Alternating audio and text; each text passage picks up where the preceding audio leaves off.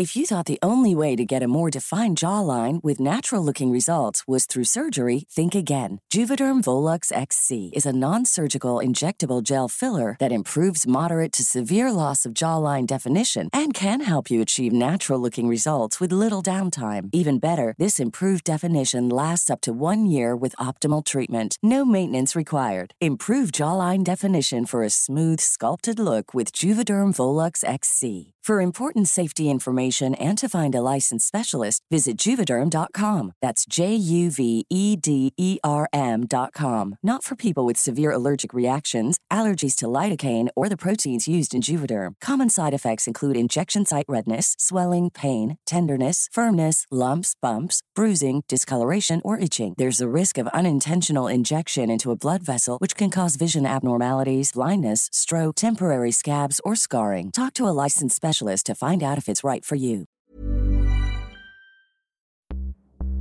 Du ligger og sover. Plutselig våkner du av at lysbryteren skrur seg av og på. Du ser ut i gangen, og der ser du en mann i blå kjeledress uten ansikt bevege seg frem og tilbake. Hva tenker du da?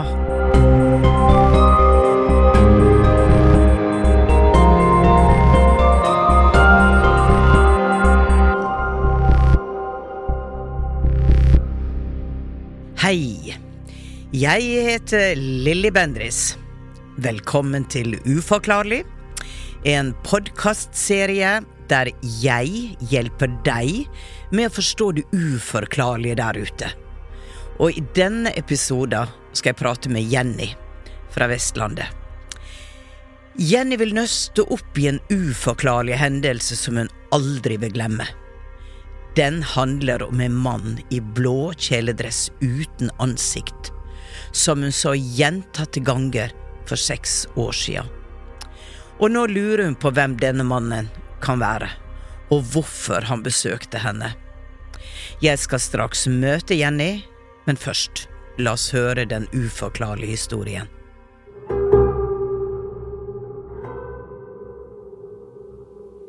Jeg var veldig åpen før. Men etter et par ubehagelige hendelser så stengte jeg denne verden ute en god periode. Jeg kjenner litt på ting fra tid til annen, og jeg ønsker å finne en fin balanse på det hele. Det jeg skal fortelle om nå, skjedde for ca. seks år siden. Og dette var en tid der det skjedde masse i livet mitt og jeg tenker tilbake på det som en tid der jeg var veldig mottakelig.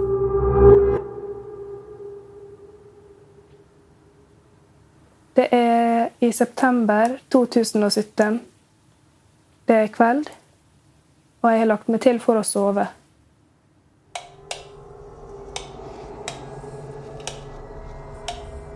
Brått så våkna jeg av at lysbryteren i gangen rett utenfor soverommet skrur seg av og på flere ganger.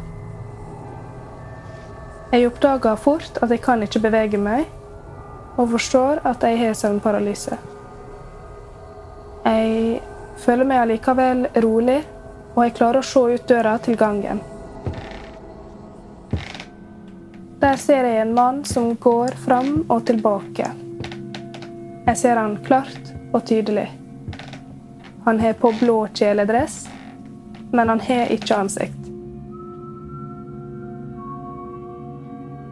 Selve fjeset er helt uklart.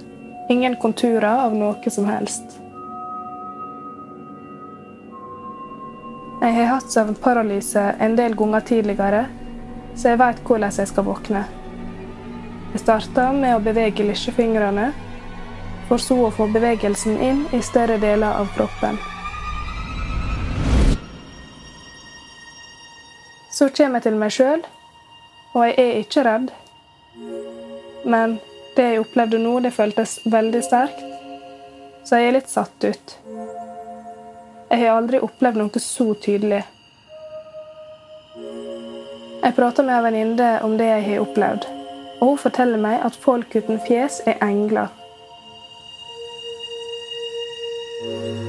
Jeg syns det er fint å høre, og det forklarer litt hvordan jeg følte meg så rolig i en situasjon som kan høres ganske skummel ut. Jeg veit ikke om det er sant at folk uten fjes er engler, men hvem veit? Nå har det gått noen dager. Jeg har lagt meg til for å sove, og jeg drømmer. Det er ikke en søvnparalyse.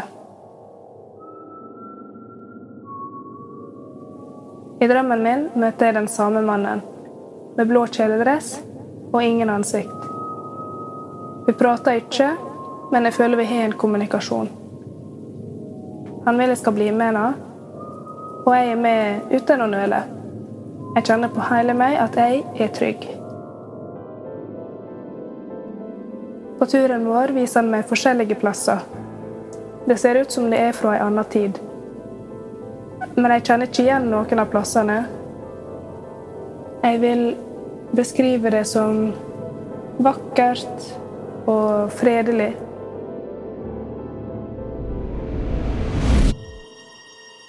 Plutselig våkner jeg fra drømmen. Og jeg kjenner på en litt trist følelse for at den er over. På nattbordet mitt står PC-en min, så jeg trykker på den for å sjekke klokka. Og da er den nøyaktig 07.45, og det er akkurat den tida jeg skal stå opp og gjøre meg klar til jobb. Er dette tilfeldig, eller har noen vekt meg? Jeg snakker med mora mi om opplevelsene mine, for jeg tenker dette kanskje kan være bestefar som døde da jeg var nesten fire år gammel. Hun forteller meg at han gikk så å si alltid i blå kjeledress, helt til han ble gammel. Og hun er bekreftende på at det er en stor mulighet for at det er han som har vært med meg.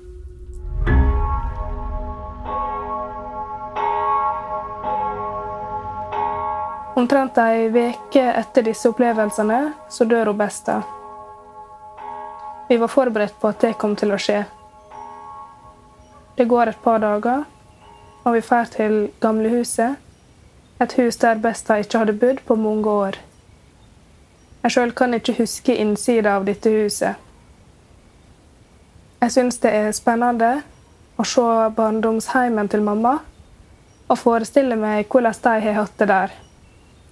Jeg går inn på stova, og jeg får sjokk når jeg ser ut det store vinduet, og jeg oppdager at den utsikta der, det er nøyaktig det samme som noe av det jeg ble vist i drømmen min. Hjertet mitt banker raskt, og jeg snur med en gang for å ta meg en tur ut. På vei ut så legger jeg merke til en blå kjeledress som henger på en knagg. Helt lik den dressen mannen gikk i. Bestefar sin blå kjeledress. Og nå er jeg overbevist. Jeg tror bestefar besøkte meg før besta døde. Jeg tror han tok seg en tur tilbake til oss for å hente henne med seg. Dette er nok min sterkeste opplevelse, som jeg fortsatt tenker på ganske ofte. Ville bestefar gi meg et tegn, eller tok han bare en tur innom for å hilse på.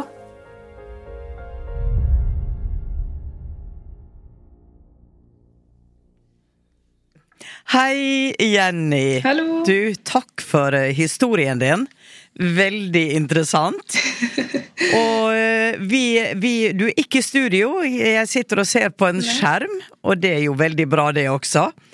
Og for at uh, våre lyttere skal få litt lite innblikk i hvordan du ser ut, så må jeg prøve å gi en beskrivelse her. Det som slår meg, er at du har et veldig eksotisk utseende. Du har litt sånn Madonna, uh, romersk uh, Det som jeg kan gå tilbake til Roma, ser en sånn der adelskvinne, veldig fornem adelskvinne. Langt, brunt hår, veldig markerte bryn. Og eh, det som du stiger rett ut ifra et maleri. Jeg vet ikke om, om, du kjenner deg selv igjen i min beskrivelse. En vakker, en vakker ung dame, i hvert fall. Ja, det var hyggelig sagt. ja, men det, det er riktig. Det som jeg tenker nå vi skal gjøre, det er at jeg skal oppsummere litt av historien før vi begynner å grave litt mer i den. Så for lytterne våre så skjedde altså denne hendelsen for seks år sia.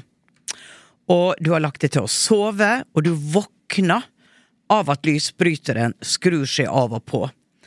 Og du gjenkjenner at du er i en søvnparalyse, for det har du hatt før men du klarer å se ut i gangen. Ok? Mm. Og der ser du en mann i blå kjeledress uten ansikt, eller altså Ansiktet er ikke markert med trekk. Mm. Og noen dager seinere så har du en drøm der du møter samme mannen. Og så tar han deg med på reise og viser deg forskjellige steder. Og så skjer det jo da at en uke senere så dør bestemora di. Og i den forbindelse drar du ut til hjemmet der mora di vokste opp. Nå begynner de å snakke vestlending her, fordi at du er vestlending. og der ser du den samme utsikta som du ble vist i drømmen. Ja. Og på vei ut av huset så legger du merke til en blå kjeledress. Samme som mannen uten ansikt hadde på seg. Det henger ved døra. Og nå lurer du på om det kan ha vært bestefaren din som var på besøk. Egentlig har du nok kommet til den konklusjonen selv, for her er det så mange sjekk, sjekk, sjekk som stemmer, at det kan vel ikke være tvil. Men jeg har lyst til å grave litt dypere inn i historien allikevel. How would you like to look five years younger? In a clinical study, people that had volume added with Juvederm Voluma XC in the cheeks perceived themselves as looking five years younger at six months after treatment. Look younger, feel like you. Add volume for lift and contour in the cheeks with Juvederm Voluma XC. Reverse signs of aging by adding volume to smooth laugh lines with Juvederm Volure XC. For important safety information and to find a licensed specialist, visit juvederm.com. That's J U V E D E R M.com. Not for people with severe allergic reactions, allergies to lidocaine, or the proteins used in Juvederm. Common side effects include injection site redness, swelling, pain, tenderness, firmness, lumps, bumps, bruising, discoloration, or itching. There's a risk of unintentional injection into a blood vessel, which can cause vision abnormalities, blindness, stroke, temporary scabs, or scarring. Talk to a licensed specialist to find out if it's right for you. Eh, Jenny, dette er faktisk en veldig spennende historie. Rett og slett også fordi at du selv verifiserer ved at det som du først så, eh, og senere finner ut av eh, når du drar på besøk til huset, det stemmer, fordi at du får jo en drøm, og det er jo ingen søvnparalyse, men den samme mannen kommer til deg i en drøm, og så tar han det med på tur. Mm. Og du gjenkjenner jo ikke umiddelbart disse stedene han viser deg, men i historien din så sier du at det er vakkert, det føles fredelig, det føles litt trist når du egentlig våkner. Så dette er på ingen måte skremmende. Forstår jeg det rett? Ja, helt rett. Det var ikke noe skummelt, eh, noen av opplevelsene rundt dette der. Jeg følte meg alle tider trygge. Eh, nå må jeg faktisk bare bryte inn og fortelle at i eh, min, eh, mitt headset og i uh, Sigrid sitt, som er den som sitter og passer på det tekniske her, så plutselig så hører vi begge to skraping, noen som banker som noen henger opp bilder, noen blir dratt over gulvet, det er et uh, masse lyder. Men Jenny hører ingenting. Og dere kommer ikke til å høre noe, det skjedde altså da i våre headphones. Så dette var interessant. Nå vet dere hva vi hører, og nå hopper vi tilbake til episoder. Men du sier også at eh, dere kommuniserte uten ord. Og da tenker jo jeg, ja, når man kommuniserer med en høyere dimensjon, så er det jo en form for telepati. At det er tankene som blir utveksla. Men blir det kommunisert noen beskjeder til deg når du var i denne drømmestadiet? Når han tok deg med på tur? Er det noe du husker som ble sagt til deg, eller var det på en måte mer enn bare en reise dere tok? Det var mer som ei reise, og jeg følte på en måte bare at uh, Ja, vi var på tur i lag og hadde det koselig, og jeg blei vist rundt, da, selv om jeg ikke kjente igjen plassene. Og, ja. det var liksom aldri noe sånn ja. ord som ble sagt. Nei. Det var ikke noe beskjeder, ikke noe kommunikasjon på den måten. Nei. Men eh, du sier at bestefaren din døde når du var fire år. Eh, husker du hvordan han så ut? Kan du huske han? Nei, jeg har egentlig ikke noe minne av det. Eh, det er veldig fjernt, i alle fall. Nei. Ja. Men du har sett bilder av han? Ja, det er. Men på ingen måte så så du noe gjenkjennende ansiktstrekk. Det var bare kjeledressen som på en måte markerte seg. Ja, og sånn som så bildet jeg eh, har sett av han sjøl, da har han på seg vanlige klær, og ja. det var liksom ikke noe blå kjeledress på de bildene. Ja, så er det jo interessant at du da snakker med mammaen din. Og eh, hun tenkte vel at det var din bestefar, ut ifra denne blå kjeledressen som han brukte å gå i. Ja. Som var litt kjennetegn på han, da. Mm. Og da fikk jo du en bekreftelse. Før du dro ut til huset, ikke sant? Ja. Det gjorde jeg. Og så drar du ut til huset, og så får du ytterligere bekreftelse når du ser ut av vinduet. Dette er ikke fantasi. Jeg har faktisk vært der før. Han har vist meg det. Kjeledressen henger ved døra. Mm. Eh, det er han. Ja. Og, og jeg vil jo si at det, det er Altså, jeg behøver jo ikke bekrefte noe som helst, for det at du har jo fått bekreftelsen. Mm. Men det du tenker litt på da, det er jo også hvorfor viste han seg for deg? ja. Og for meg sånn som jeg fanger det opp, så er det jo helt klart at han gir deg en beskjed at han er der for å hente bestemor, som jo dør noen dager etterpå, og at jeg skulle tro at det ga deg også en trygghet på at ja, der er en tilværelse etter døden, eh, vi forsvinner ikke, og når vi trengs, så kommer vi. Eh, min pappa kom også og henta min mamma Eh, helt klart og tydelig, og jeg hadde ingen søvnparalyse. Jeg satt ved senga til min døende mor, som ikke klarte å gå sli gi slipp. Og da kom min pappa inn i min kropp, og jeg på en måte ble han, og ba henne slippe taket, jeg er her nå. Og det var som min hånd var hans hånd, og jeg tok henne i hånda og sa nå kan du slippe, og i det øyeblikket dør hun. Ikke sant? Så når du opplever sånne ting, så, så, blir det på en måte Mange kan være skeptikere og sier at ja, sånn og sånn, men for meg så får vi disse markørene og disse opplevelsene som tilsier at ja, her er en bevissthet etter døden, her er noe som lever videre. Og det er jo ikke tvil om at du har mediale evner men du sier, uh, Jenny, at uh, du hadde noen ubehagelige opplevelser. Kunne du tenke deg å dele de? Uh, ja Jeg syns det er litt vanskelig. Mm. Mm. Kanskje det er viktig at du deler de?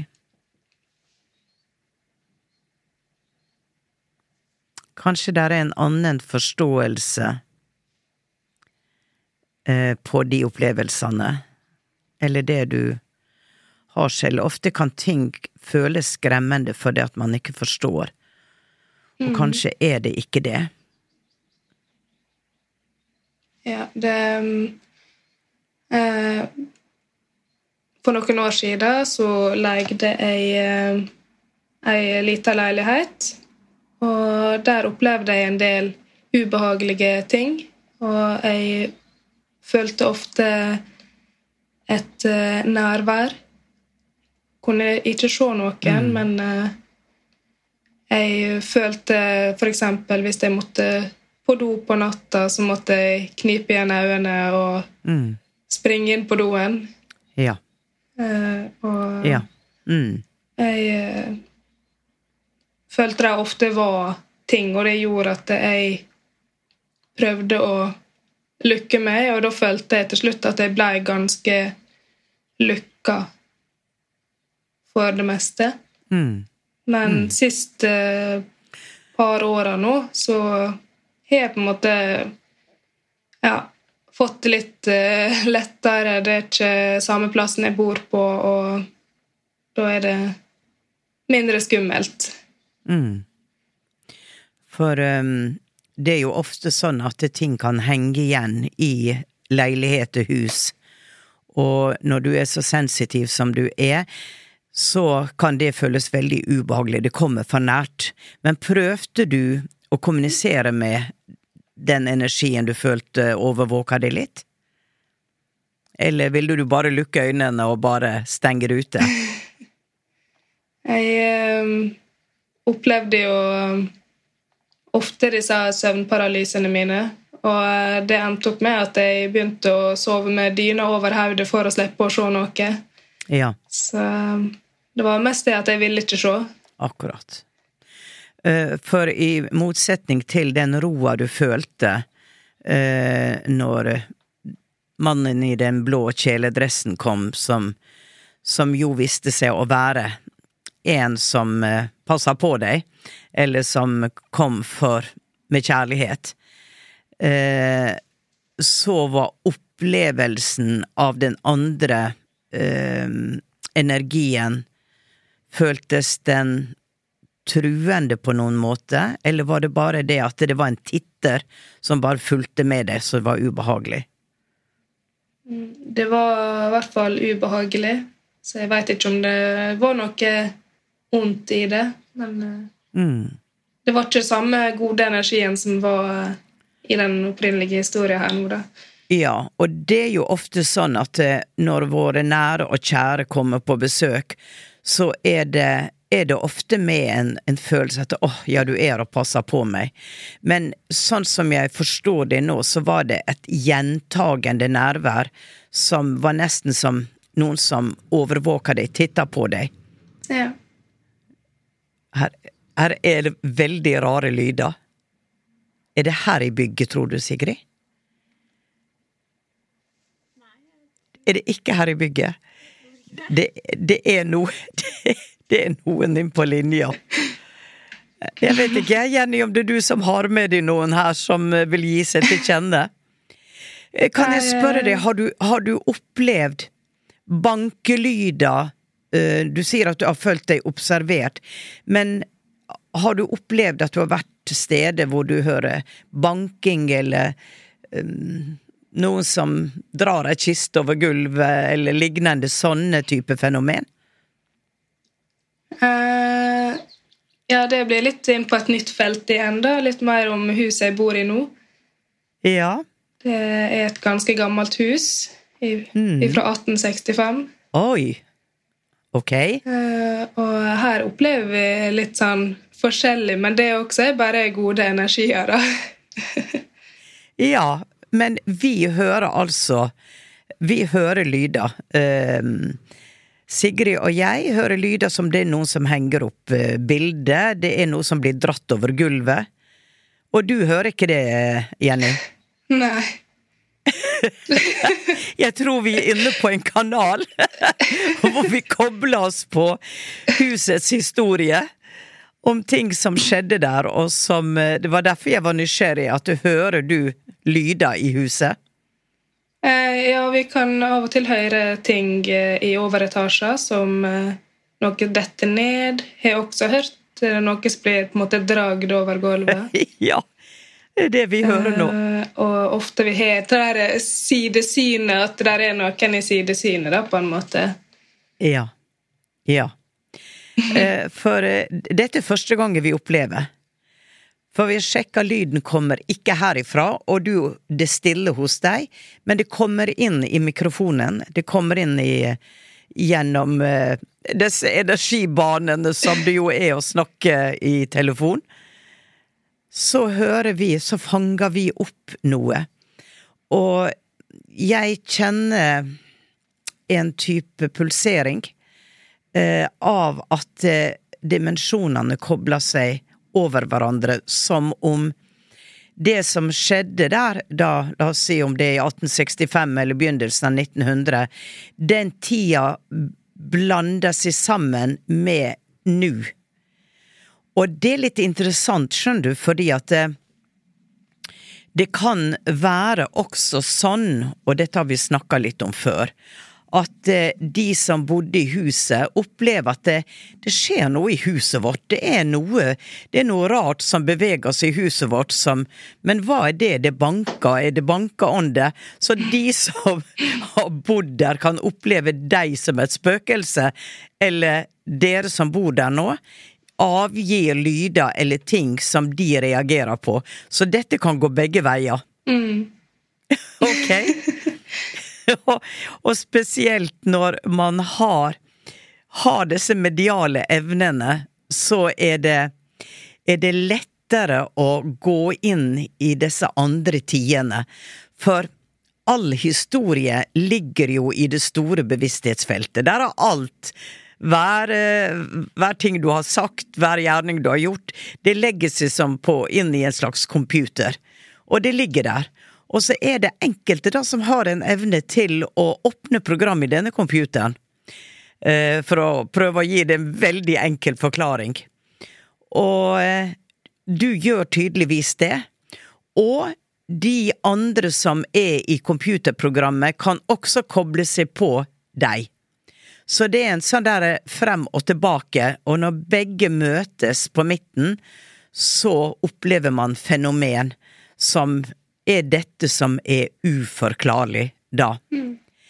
Men jeg tenker jo det, Jenny, at eh, du Du har såpass sterke evner at det kan være interessant for deg å tørre å være litt modig i dette, og ta kontrollen, og si at jeg bestemmer hvem som har lov å komme inn i mitt felt. Og la oss si at eh, du merker da en energi som du føler påtrengende, at du da setter foten ned, og jeg kjenner at du er her, jeg vet ikke helt hvem du er, men dette er ubehagelig for meg. Du har ingen adgang til min space. Du må forlate min space nå. Altså, du må være bestemt og være den som tar kontrollen. Ja. Kan du klare det? Uh... Per i dag? Det er jo noen år siden alt dette skjedde. Ja, det Sånn som ting er nå, så eh, Hva skal jeg si da, så føler jeg meg jeg skulle ønske jeg hadde en litt sånn bedre balanse imellom eh, ja, denne verden og den andre verden. Og, og, det er også noe når jeg sier at det å ta kontroll, og på en måte bestemme jeg stenger av, og jeg åpner opp. Mm. Og jeg tenker at nå er det ting som strømmer på deg, og der er ingen kontroll, sånn som du føler det. Men for eksempel ved å si at eh, jeg har en av og på-knapp. Nå er knappen av. Jeg er beskytta, ingenting kommer inn i mitt felt.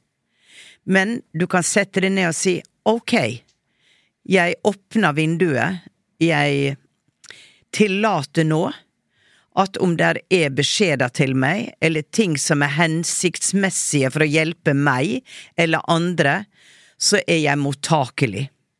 For det som har skjedd nå, er at du har sett ting, du har sensa ting, men du har ikke kommunisert.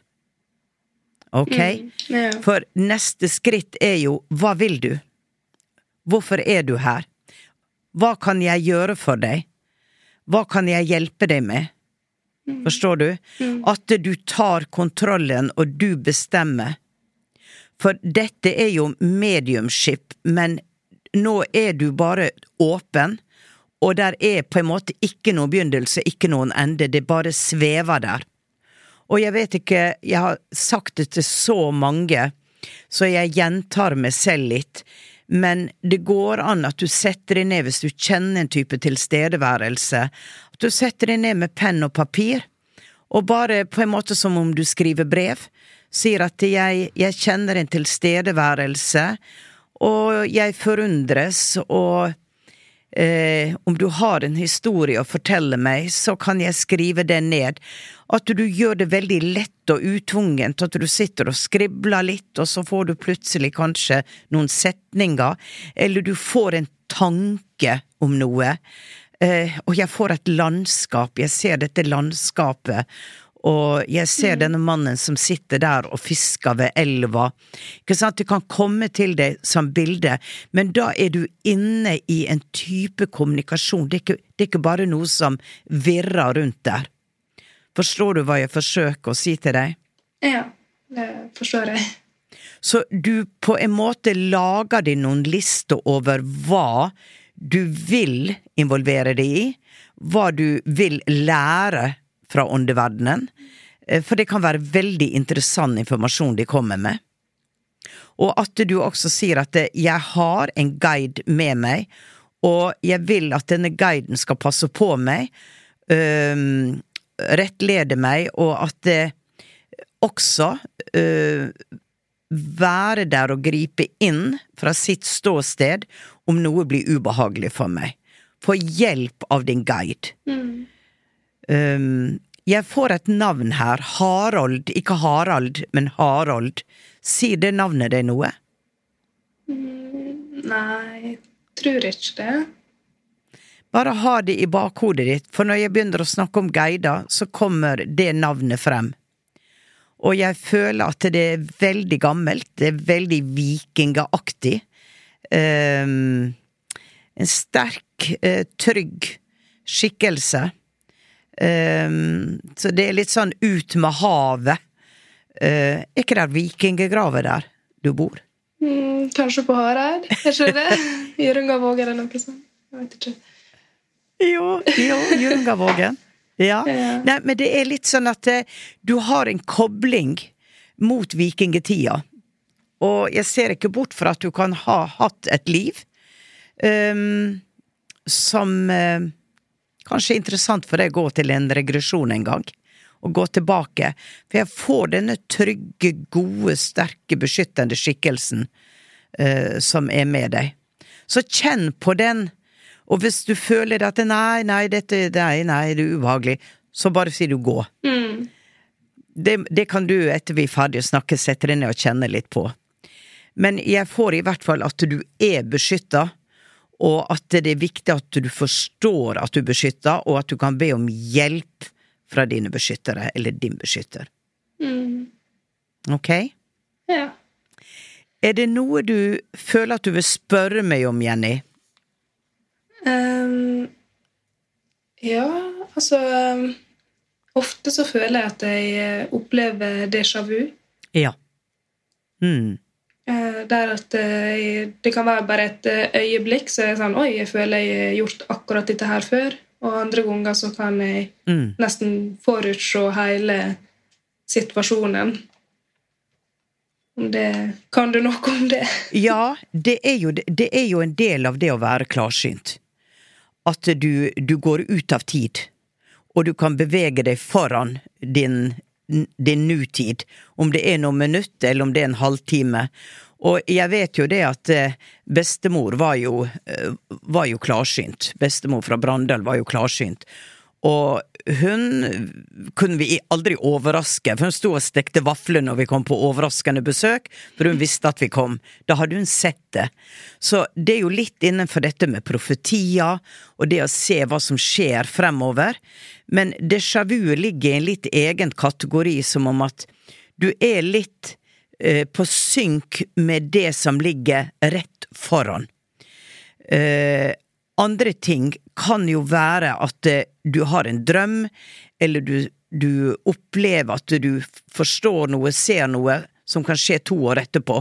Og da tenker du oi, det var jo det jeg så. Veldig mange, når dette i, på, på Utøya skjedde, så var det veldig mange som sa at jeg hadde en så urolig følelse. Jeg drømte om jeg så eksplosjoner. Det var et eller annet, men jeg klarte ikke liksom å finne ut av akkurat hvor er det, når tid er det, men de fanga inn disse hendelsene, for på et høyere bevissthetsplan så skjer alt samtidig. Og dette er veldig vanskelig for vår hjerne å forstå, fordi at eh, vi er jo her i lineær tid i tredje dimensjon. Men når du går ut av tredje dimensjon og går over i en høyere dimensjon som er uten tid, så kan du gå inn i dette feltet og fange opp ting som allerede har skjedd, eller se tilbake på ting som har skjedd før. Så vi har jo litt sånn forskjellige kategorier. Du har profeten som ser fremover i tid og advarer mot kommende ulykke eller sånn. Mange har veldig sterkt den delen, og den er ikke alltid behagelig, for da er du på en måte Predikerer du noe som folk blir redde for? Og jeg har på en måte sagt at jeg vil ikke se inn i fremtida. Jeg vil ikke spå. Jeg vil ikke på en måte For da, da tenker jeg at eh, jeg kan ta feil, eller jeg kan misforstå den meldinga. Og øh, hva om jeg tar feil? Hva om jeg skremmer noen? Så jeg, jeg har sagt det at eh, jeg tar imot det som er undervisende, oppbyggende, det som kan hjelpe en, men om man har en bilulykke om to år, så ser ikke jeg den.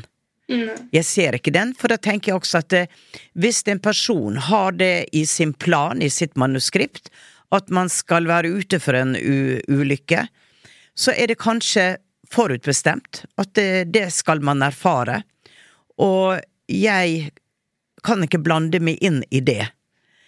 Og eh, så, så, det er akkurat dette med å se fremtida og, og, og være i den profetenergien jeg tror man kan velge også å si nei til det som føles ubehagelig for en, eller et ansvar man ikke vil ha. Mm. Velger du eventuelt å ta en utdannelse i mediumship eller klarsyn eller healing eller hva det nå er, så er det noe som jeg tror ville være veldig bra for deg. For litt av spørsmålet er, til meg er jo hvordan kan jeg få balansert, hva, hva kan jeg gjøre? Mm. Og informasjon, forståelse, og det å da kunne være sjåføren i eget liv, og si nei og ja, er, er kanskje det som eh, til syvende og sist er viktig. Ja. Å kjenne etter om det ligger et ønske i deg til å kunne bruke evnene dine og hjelpe andre til en større forståelse. Mm. Ok?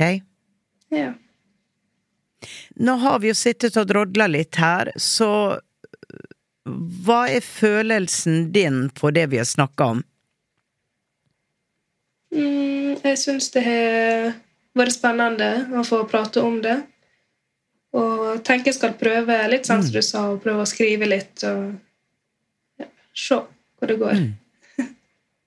ja og, og, at du har kontroll. At du ja. har kontroll. Det interessante, Jenny, er at når man begynner å arbeide med disse tinga, så er det som om det er mye lettere med den av og på-knappen. Eh, fordi at du, du, lar ting gå gjennom. Um, og du trener det i å kjenne forskjeller når du selv villig sier at ok, jeg tar imot, jeg åpner meg, det er ok. Og når du da sier at dette, dette vil jeg ikke ha rundt meg. De fleste tinga er jo helt ufarlige, men jeg vil ikke ha noen som følger meg på verken i dusjen eller på toalettet, så der kan du være veldig bestemt uansett. Det, det er ikke mm. nødvendig. Men jeg mm. tror at uh, om jeg skal spå litt, da, så tror jeg der kommer en tid hvor du vil takke for din evne til å ha tatt inn en større verden, og forståelsen og gleda det er ved også å kjenne på deg at det, livet er uendelig. Her er mange fasetter, her er mye man skal erfare som sjel, både på jordplanet og andre verdener. Ok? Så lykke til, og takk for at du kom og delte historien din. Takk for meg. Tusen takk, Jenny.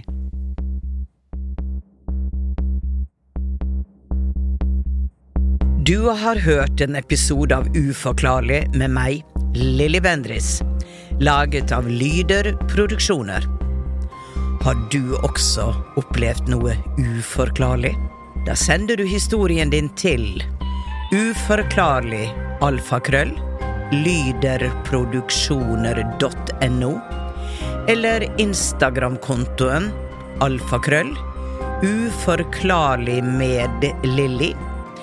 Og kanskje blir det deg jeg prater med neste uke. Vi høres i eteren.